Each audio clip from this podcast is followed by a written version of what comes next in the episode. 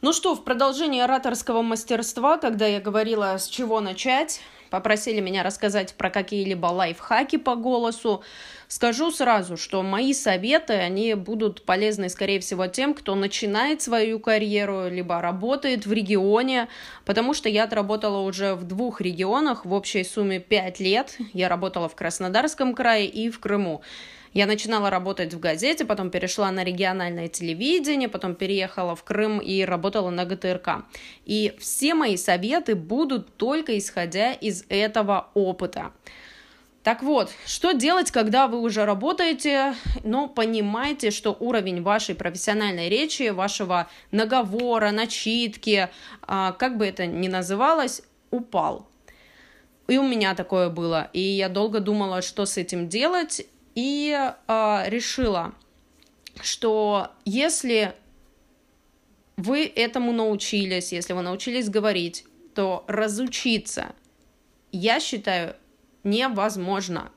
Потому что это, я не знаю, как с велосипедом, как с плаванием. Просто если вы слышите, что перестали читать так хорошо, как это было раньше, то, конечно же, самый простой способ это по возможности повторить весь курс обучения, не бояться читать дома вслух, записывать себя на диктофон, говорить скороговорки и, конечно же, самое главное, смотреть и слушать федеральные телеканалы или радио, или даже лучше зарубежных журналистов, зарубежные СМИ. Нет ничего лучше, потому что чем наглядный пример, как нужно делать.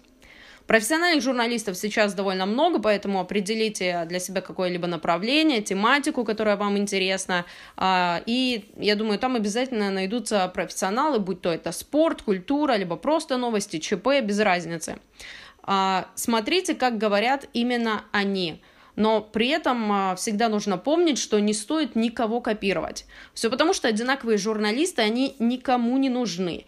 Все телекана... Всем телеканалам нужны эксклюзивы, в том числе и эксклюзивные сотрудники. Всегда старайтесь от всех отличаться, в том числе и голосом, чтобы вас узнавали только по голосу. Это будет вообще вот просто вышка достижения из достижений. Когда а, видят ваш а, сюжет, и э, вот слышат ваш голос и сразу узнают вас. Все, считайте, вы победили вот в этом. Сразу можно поставить себе плюсик, если вас узнают по голосу. Насчет лайфхака. Могу посоветовать э, тем, кто уже работает, э, ну, конечно же, всегда перед начиткой нужно разогревать связки. Это нормально, певцы так делают, и для журналиста это тоже нужная вещь. Хотя бы несколько раз нужно в полный голос прочитать текст. Некоторые пользуются скороговорками, я знаю. Ну, я ими не пользуюсь, э, они мне, в принципе, не нужны, кому-то, наоборот, они помогают разговориться. А, я считаю, что при этом переключаться со своего обычного голоса на профессиональный нужно, но не нужно при этом придавать ему э, какие-то нотки стервозности или жесткости. В общем, строить из себя не пойми что. Скобеевых у нас уже очень много. И э, и это ее подача, она и подходит, она выработана годами, и пусть при ней она и остается. Девочки, не нужно, пожалуйста, а, копировать э, кого-либо из журналистов, Скобееву, Андрееву, Ситтель. Ну, не нужно это делать. Это они, это их индивидуальность. Э, выработайте свою. При этом не нужно сжиманничать начитки, не нужно зажимать звук, чтобы казаться серьезнее и четче. Вот не нужно говорить через вот так вот через зубы. Это, это так не работает. Это Рената Литвинова получается. Она так говорит. Зачем так говорить? Очень большая проблема есть еще и с говором местным. Очень много а, открытых гласных. Это когда мы говорим, что, к примеру, моряк пошел на своем корабле по морю. И а, вот прочие все эти слова, это нужно произносить как, с как можно менее выраженными гласными. Есть такое понятие, как редукция, сокращение. Ну, вот если вы фанат Гарри Поттера, вы, наверное, помните заклинание редукта, вот оно по тому же принципу. А, с Г на юге тоже проблема. Мы говорим, ну, вот здесь проблема и с Г, и с придыха... Э, Г с придыханием, и открытая гласная А. Мы говорим.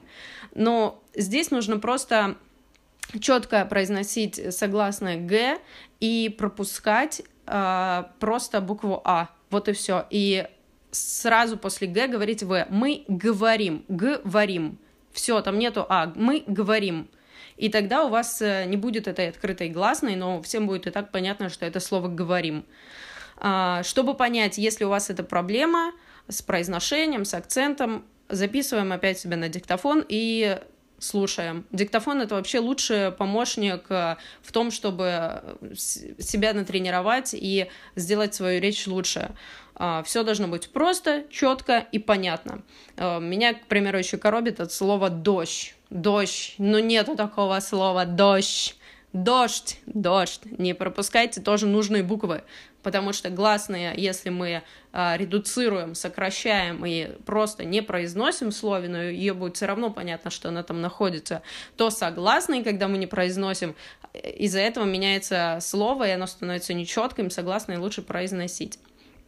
По дыханию. Если у вас не хватает дыхания на среднюю э, начитку в 30 секунд, ну, блин, это, я не знаю, это предложений, uh, строчек, наверное, 5-6, а, то значит вы неправильно расходуете а, свой воздух неправильно расставляете акценты, не в тех местах делаете вдохи.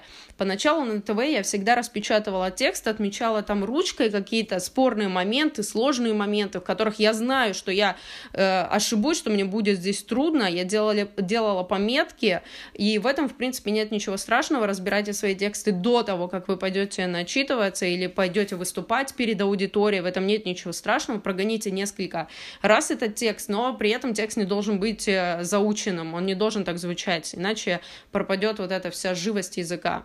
А, в начале, когда я только пришла на телевидение, у меня были просто разрисованы все листки, прежде чем я шла начитываться, все буквы, которые я не могу выговорить, э, выговорить, а, все места вдоха, все слова, на которых нужно поставить акценты. Просто не поленитесь, все это распишите несколько раз, и в следующий раз вы уже будете понимать, как это делать, будет уже все это на автоматизме. По интонации – что хотелось бы сказать? В конце каждого предложения наша интонация, она идет вниз. Интонация вверх идет только в вопросительных предложениях и только там.